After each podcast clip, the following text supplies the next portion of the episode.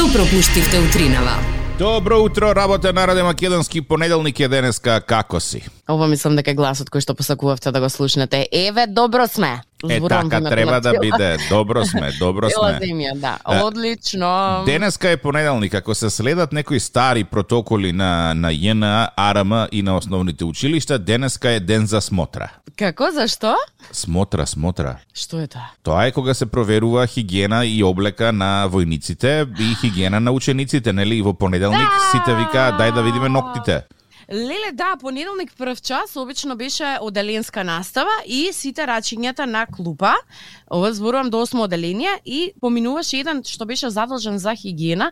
Не сум сигурна дали неделно или месечно се менува или остануваше еден од почетокот на крајот на неделно, годината. Зорчице. И требаше со еден список плюс минус да напише дали ни се чисти ноктите, односно исечени, за девојчињата веќе во 7 и 8 деление беше дозволено минимална количина на лак и тоа да е лак во некоја неутрална боја. Значи да не е црн, да не е црвен, да не е зелен, да не е син, туку да биде така некоја месо боја евентуално. А, и ни се проверуваа ушињата, значи секогаш мораше во понеделник косата да ти е собрана за да може да помине тој што беше задолжен да провери дали ноктите ти се чисти и ушињата дали ти се чисти. Е сега имаш и некоја вонредна верзија на дали добро мирисаш под едната и под другата мишка, ама тоа нешто мислам дека ние си го воведовме како новитет. Како додаток? Како да, детски додаток.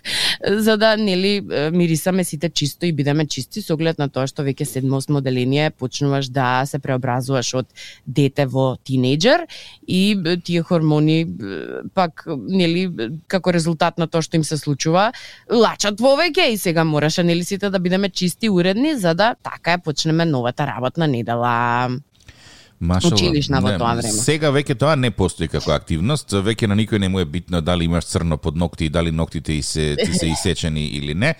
Денеска е побитно како си облечен, каков телефон носиш и слични некои работи. И искрено, морам да ти кажам, ме подсети, ми врати сеќавања во врска со ова што се случуваше во понеделниците во училишта. Во твое време го имаше? Да, да, јас ова ти го кажам од искуство. Да, јас бев веројатно меѓу последните генерации кои што го искусуваше ова. Имавме во понеделник секој класен час, оделенски час, извини, да бидам попрецизна, имавме проверка на состојбата на ногти, уши и е, лева и десна пазува. Е, Зорке. Да.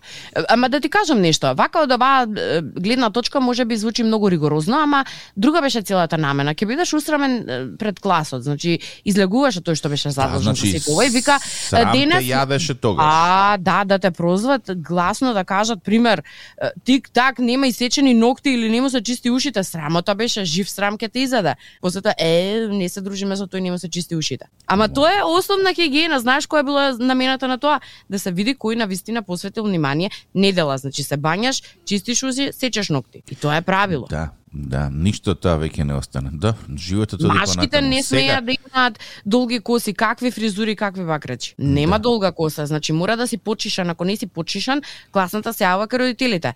Ало, здраво. Знаете ли дека пример Петко Јанко Станко не е почишан, дојде на час? Ау, се извинувам, ќе го решиме тој проблем. Замисли сега од оваа перспектива да се јави класната и да ти рече добар ден, добар ден, на вашето дете не му се исечени ноктите, не му се чисти ушите и не е почишан. Драма Ништо, на социјални ништо, медиуми. ништо. Оу, на социјал, како не е срам? Ми се јави да ми каже дека на детето не му се сечени ноктите. Па крива ги испадне класната. Е, Зорке, се тече, се се менува, велат старите. Апсолутно. Имам јас едно друго прашање кое што ме мачи ден и ноќе. И се размислував дали да го почнам сама, ама сепак решив да те почекам заради тоа што ми треба а, и Машка поинаква- перспектива на да, да, перспектива на тоа како изгледа и, и што изгледа. Имено, а, сега во последно време, нели станчињата се се помали, најчесто се продаваат со еден тоалет и тоа ме наведе да размислувам, бидејќи јас живеам во куќа со еден тоалет, што со тие куќи и домови кои што имаат само еден тоалет, а имаат најмалку 4 члена, при што еден од членовите секогаш заглавува во тоалетот. Тоа не е мистерија од сега, тоа е мистерија од секогаш. Проблем?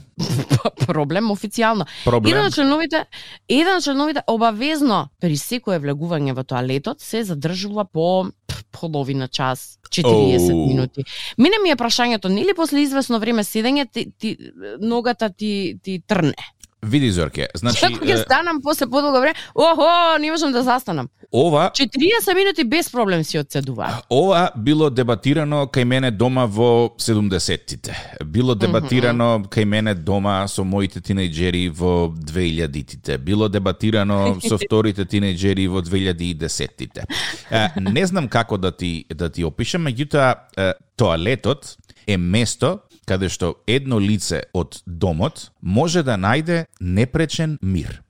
Тоалетот е место каде што можеш да бидеш сам со себе и со своите мисли, без при тоа никој да те вознемирува и без никој да се дрзне да те вознемирува затоа што си во тоалет. Значи, гледај на, на, на тоалетот како еден вид на ментално прочистување. Ти си таму, сам, со твоите мисли, и не Кај одиш само за да ја завршиш. Добро. не одиш само да ја завршиш физиолошката потреба, одиш на еден вид на, на ментален тайм-аут, значи одиш на полнење на батерии Да си ги слушнеш мислите. било каде, во било која друга соба, да се обидеш да го направиш тоа, некој ќе те прекине. Ако отидеш да прилегнеш во спална, ќе дојдат ќе те разбудат децата, ќе те разбуди жената. Ако седнеш е, во дневна да гледаш телевизија, сите ќе трчкаат пред тебе, околу тебе, ќе бараат нешто. Тоалетот, во моментот кога вратата ќе се затвори, станува свето место за тој што е внатре во него. Сам со своите мисли, мир, тишина, стерилна атмосфера, бели плочки по можност, едноставно почнуваш да ги полниш батериите. Се исклучуваш од реалноста која што се случува зад таа врата и викаш конечно јас со моите мисли. И тоа некогаш трае 10, 15, 20, 30 минути, 40 минути. Најдобрите книги, книгите кои ден денеска ги помнам и ги цитирам, сум ги читал на тоалет затоа што имам мир и тишина таму. И соодветно светло, И предпоставам. соодветно светло. И се биеле битки дома кога бев дете. Тоа не е библиотека, не се седи таму со сати. Не. Значи тоа е тоа е место на кое што една личност, единка, доаѓа во допир со самиот себе си. Го сознава своето второ јас. И тоа апсолутно треба да му биде дозволено на секоја личност. И сум поборник на тоа колку членови во семејството, толку тоалети. Американците убаво го решиле тоа. Четири спални, четири тоалети. Затоа И е сега... сега- постабилни како општество. Апсолутно и затоа нема толку кавги во домот и не се разведуваат луѓето. Друго ми беше прашањето. Јас разбирам и еве се трудам максимално да го испочитувам правото на секој еден член да се осознае себе си и да го пронеде своето внатрешно јас додека седи во тоалетот. Што е со нас останатите што цупкаме пред вратата?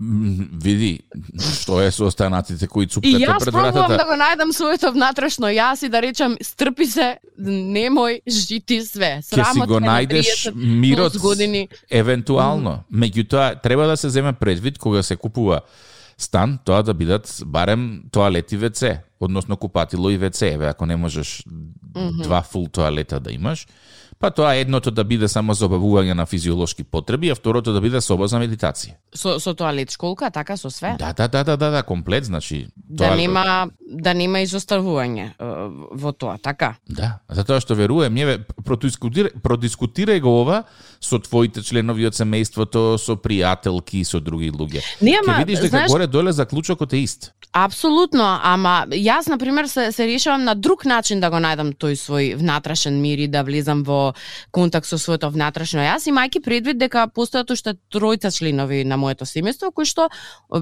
не мора да ме чекаат ја додека го барам своето внатрешно јас, тие да бараат нов пар на гаки, да речеме. Иво еве те баш те поддржува во целата идеја, вели тик так отполно си во право ради тој мир во тоалетот са бајле е војна. Да. И се тоа сакам да да прашам, како да направиш, еве сега нема услови за за додатен тоалет. Да речеме дека ситуацијата е таа, имаш еден тоалет, имаш четири члена во семејството, имаш најмалку двајца кои што бараат внатрешен мир. Што правиме во таа ситуација? Како сите членови на семејството да бидат подеднакво задоволени? М, Ке се направи распоред на Прво користење, правило- меѓутоа тој распоред на користење нема да соодветствува со реалните потреби на конзументот моментите Апсолутно. имаш проблем. Значи види, сите книги за самопомош и и себерастење велат дека за да луѓето околу тебе бидат среќни, ти треба да бидеш среќен. Така да кога ќе го видиш ближниот е, член на семејството затворен во тоалетот, радувај се што тој е таму, бидејќи знај дека од таму ќе излезе среќен и неговата среќа ќе се пренесе на твојата среќа. И ти автоматски ќе бидеш среќна после тоа. Сакаш да ми кажеш дека тоалетот е место каде што буквално се од себе олеснуваш. Да. Излегуваш целосно олеснат. Во сите погледи. Апсолутно во сите погледи. Тоа е место Гледаш- каде што мислите доаѓаат на своето место. Е, тоа, тоа никогаш не го разбрав. Толку многу мистерии се кријат во тоалетот, а толку малку внимание му посветуваме. Размисли. Еве, следен пат кога ќе одиш, откако ќе завршиш со сите физиолошки потреби, влези во контакт со своите мисли и ќе видиш како времето лета. Во буквална смисла на зборот. Ајде ќе те послушам. Не знам дали знаеш, Арнама сега барајки најдов некој сосем случајно неколку многу интересни нешта, дали знаеш дека постои светски ден на тоалетот? Не. Знам дека постои светски ден на менталното здравје, да не е случајно истиот. Не, не, многу разлика има помеѓу светскиот ден на менталното здравје и светскиот ден на тоалетите и се одбележува секоја година на 19 ноември. Зошто точно тој датум е одбран, тука не знам како да ти помогнам и да ти раскажам, меѓутоа знам дека со сигурност е светски ден на тоалетот. Ке запишам во календарот да не го направиме да го одбележиме, заради тоа што од оваа перспектива сега гледано, е, кога тоалетот не е само место каде што ги завршуваш најнеубавите, да речам, работи и, и обврски во текот на денот, туку е и место за мислење, а Бога ми служи за многу многу други нешта. Јас би ставила златни плочки. Мислам дека не не му е оддадено толку многу внимание на тоалетот колку што заслужува. Инаку на тема тоалети сето на кое што го коментиравме изминатите неколку минути, стасаа неколку пореки кои што ми се видаа доста интересни, па би сакала да ги споделам со тебе и со сите останати. И во вели тик-так потполно е во право заради тој мир во тоалетот од Сабајле, наутро обично е војна. Сашка пак од друга страна вели, апропо муабетов за тоалетите, она што треба да го направите е пред да влезете да најавите. Дали може да влезам во тоалетот, му се одили на некој друг во тоалет, ако е штама, влегуваш и автоматски се знае дека во следните 15 на минути тој ќе биде зафатен. И така си безбеден без некој да ти тропа на врата, ама мислам дека коментар на е, денот би бил оној на Ирина заради тоа што од прва рака и јас и останатите мајки може да потврдат, вели кога си со мало дете тоалетот воопшто не е соба за изолација, секогаш кога сум со друштво, секогаш кога влегувам сум со друштво кое што верно ме прати на секое влегување, а овде би додала моментот кога детето едноставно ќе реши дека повеќе не му се седи со тебе во тоалетот и ќе излезе и ќе остави вратата отворена. Да, биди сите сме го поминале тоа и затоа Апсолутно. затоа го цениме. Затоа го цениме моментот кога остануваме сами, затоа што сме имале деца кои што доаѓаат да видат кај си, што си, што правиш, зошто те нема и, и слично. Така да се во животот е, мора да се цени, Зорке. Инаку е, ако тргнеш да ја гледаш историјата на модерните тоалети, е, во минатото одењето во тоалет било социјален момент. Како мислиш тоа социјален момент, чека се изгубив? Значи, старите римјани имале столици со дупки на кои што седеле и вршеле физиолошки потреби и си правеле муабет едни со други. Чекај, чекај, како, како одиме групно во тоалетот и си седиме и си Па, правиме и муабет така дека така вршиме вие работа, девојките денеска групно одите во тоалет. ама не влегуваме заедно. Е, па добро де, ова Три сега чекаат надвор, една е, внатре врши работа. Е, добро, ова сега значи замисли да имаш клупа, да кажеме, со четири седишта и си седнуеш на клупа и си бркаш работа. Дури е, толку биле, толку биле слободни што имале и едно сунгерче за подбришување. Практично кажано. Слушај, замисли клубава седат еден спроти друг и му викаш шо бе? Абе, кју ти стискам. Жити све, мислам, не да го го мислиш дали размислува, он уствари те гледа во очи и, и се стиска.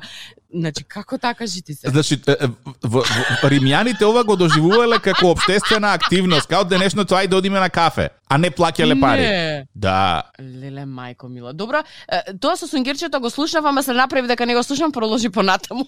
Многу гадно ми дојде. Значи, друга работа, толку биле навлезени во тој момент на, на, на социјален настан, на обштествена активност, што дури си носеле и пикник храна. Не. Да, значи тие биле јавни бањи, имале нели римските бањи со тоалети и си носиш храна, си носиш пикник, си носиш се и се што. Како дешавка целосна. Вау, добро. Имале ли сите луѓе дозволен влез да одат? Да, да, да. Не, мислам онака дали било по сталежи, да речеме. А овие имаат, да речеме, не знам, царски тоалет, овие имаат обичен за луѓе, или сите можеле независно? Сигурен сум дека оние кажи ги како ги викаат полските тоалети во Брајчино се многу пософистицирани од тоалетите што ги имале во Стар Рим на времето. И замисли си братно, леле, го видов да речеме Петко, кај го видов во тоалет, муабет си изнаправивме. А така, така е, тоа се случувало. Кај да кој на време на нашето на пар. Мислам, сам мисли сега, чекај, чекај, чекај, чекај, само мала дигресија. Ајде.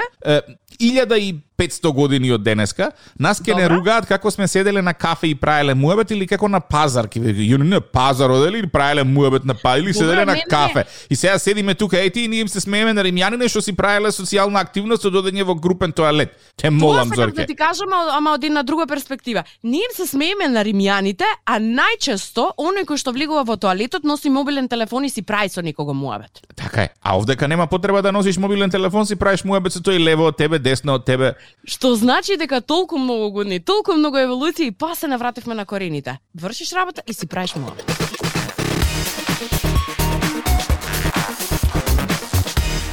Денеска е светскиот ден на храната, мцни си нешто вкусно. Мм, не мора да кажеш два пати. А, се сеќаваш ли на времето кога кај нас пензионерите од една мината влада добиваа еден куп бенефиции од типот на бесплатен автобуски превоз? А, да, се возеа, мислам дека до крстот на жичарата во одредени денови бесплатно.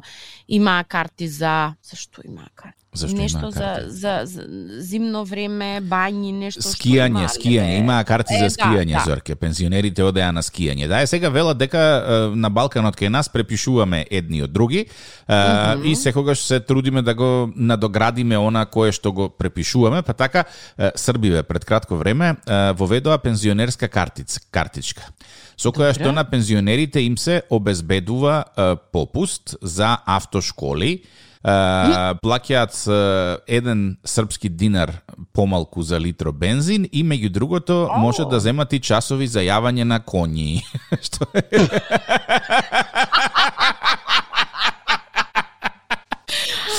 Мислам, види вака, ако не те потфатив на, на несериозно и сериозно овде кај автошколите, Да, да, да, да, да, без текст за јавање коњи. Да, да.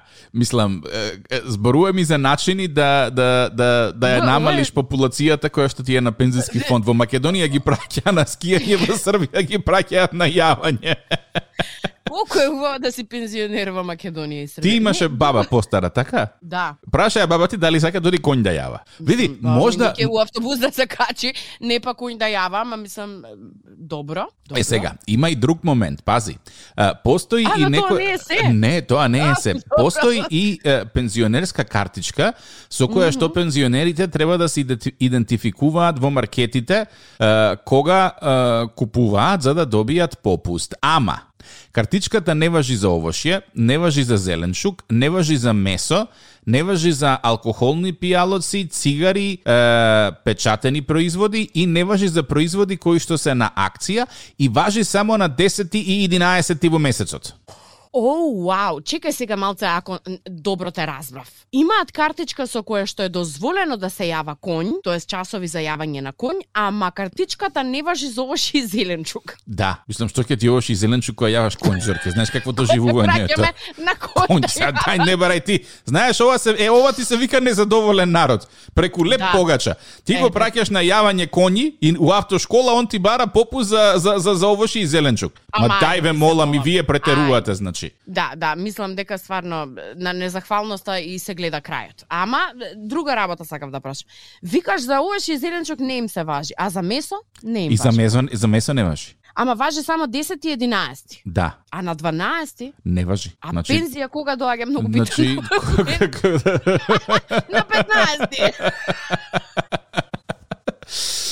И ова се многу работи кои се па треба да се предискутираат. Па да платат, што? Па така да сега. А што? чекај сега тоа сакам да прашам, дали само лично важи, да речеме, дали пензионеров може е, таа картичка да искористи како би му платил на својот внук? Е, не, ама пази, значи не мора не, не мора да се користи лично затоа што читав некои примери од е, девојка една која што добила 15% попуст на погребални услуги со картичката на мајката која што починала. Аха, бидејќи ја користи за незе, претпоставам. Па да, ама тоа не значи дека лично се користи. Значи покојникот не ја користи картичката лично. Како треба да изреагирам на оваа информација? Јуху, 15% на погребални е, услуги. Не знам како да изреагирам. После коњите ми изгуби умавата. Сето тоа е врзано, Зорке. Прво имаш попуст на јавање коњи, па попуст на погребални услуги за храна. А немаш попуст за храна, тоа е за здрави производи. А со апчињата што правиме? Е, таа тема уште не сум ја абсолвирал, да знаеш. Ке се информирам, па ќе те, ќе те Веле, а денес ние кажавме на радио за коњите, очекувам овој кај нас да се имплементира многу наскоро, ама може би нема да бидат коњи, што друго ќе се јаве, еве не знам. Ова е Радио 2. Добро утро. Луѓето се навикнани како да, куп- да купуваат онлайн од удобноста на својот дом. А, во последне неколку 3-4 дена, може би повеќе, не сум сигурна од кога е започнато, но знам петокот. дека овие неколку дена да и така интензивно е, стасуваат лажни пораки на граѓани кои што направиле некаква си порачка нарачка, дека нивната пратка е вратена, односно дека имаат лажна адреса. При тоа стои едно линкче во самата SMS порака, каде што од вас се бара да ги оставите вашите лични податоци и картичката, односно бројот на картичката, како би ви се наплатило веројатно враќањето на пратката. Меѓутоа, според она кое што до кое што порталите и новинарите дојдоа како информација е дека се работи за лажни SMS пораки, од каде што од вас се бара нормално да ги внесете вашите податоци и картичката и се она кое што им дава на оние од другата страна кои што ги праќаат пораките слобода да ги трошат и да ги повлекуваат вашите пари. Токму затоа како и јас некој кој што навистина многу често купува онлайн, за среќа ми се немаше случајно ова. Меѓутоа од друга страна она кое што е трагично и критично е дека на социјалните мрежи излегува податоци дека многу луѓе ги оставиле своите податоци лични. Мгм. и ем, бројките од е, картичките и од трансакцијските сметки, при што ќе ве замолам да бидете крајно внимателни кога се работи за нешто вакво, испитете докаде работата пред наедноставно само да ги ставите бројките од вашата картичка. И зошто би некој да ги бара вашите податоци ако евентуално ете и пратката е вратена или е на погрешна адреса, она што го правите е се сеќавате од каде би требало да ви дојде пратката и се увате директ во компанијата, фирмата од каде што нели треба нештото да ви е испратено. Ве молам не наседнувајте на овие работи. Не е страшно ако се работи за 10, 20, 100 динари, меѓутоа е апсолутно страшно ако некој ги има вашите податоци. Најдете начин, ам, запрашете се како може да се заштитите доколку веќе ги имате дадено податоците. Значи не се работи за никаква пратка која што е вратена или никаква адреса која што е сгрешена. Се Туку едноставно сакаат да ти ги земат парите. Измама, да.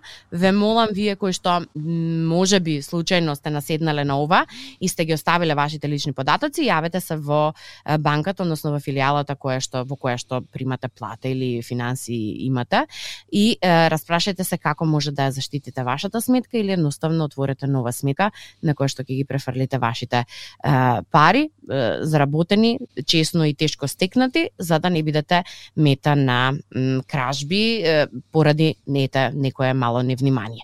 Ова ви го кажувам најискрено и од на душата и посакувам да бидете многу повнимателни во иднина.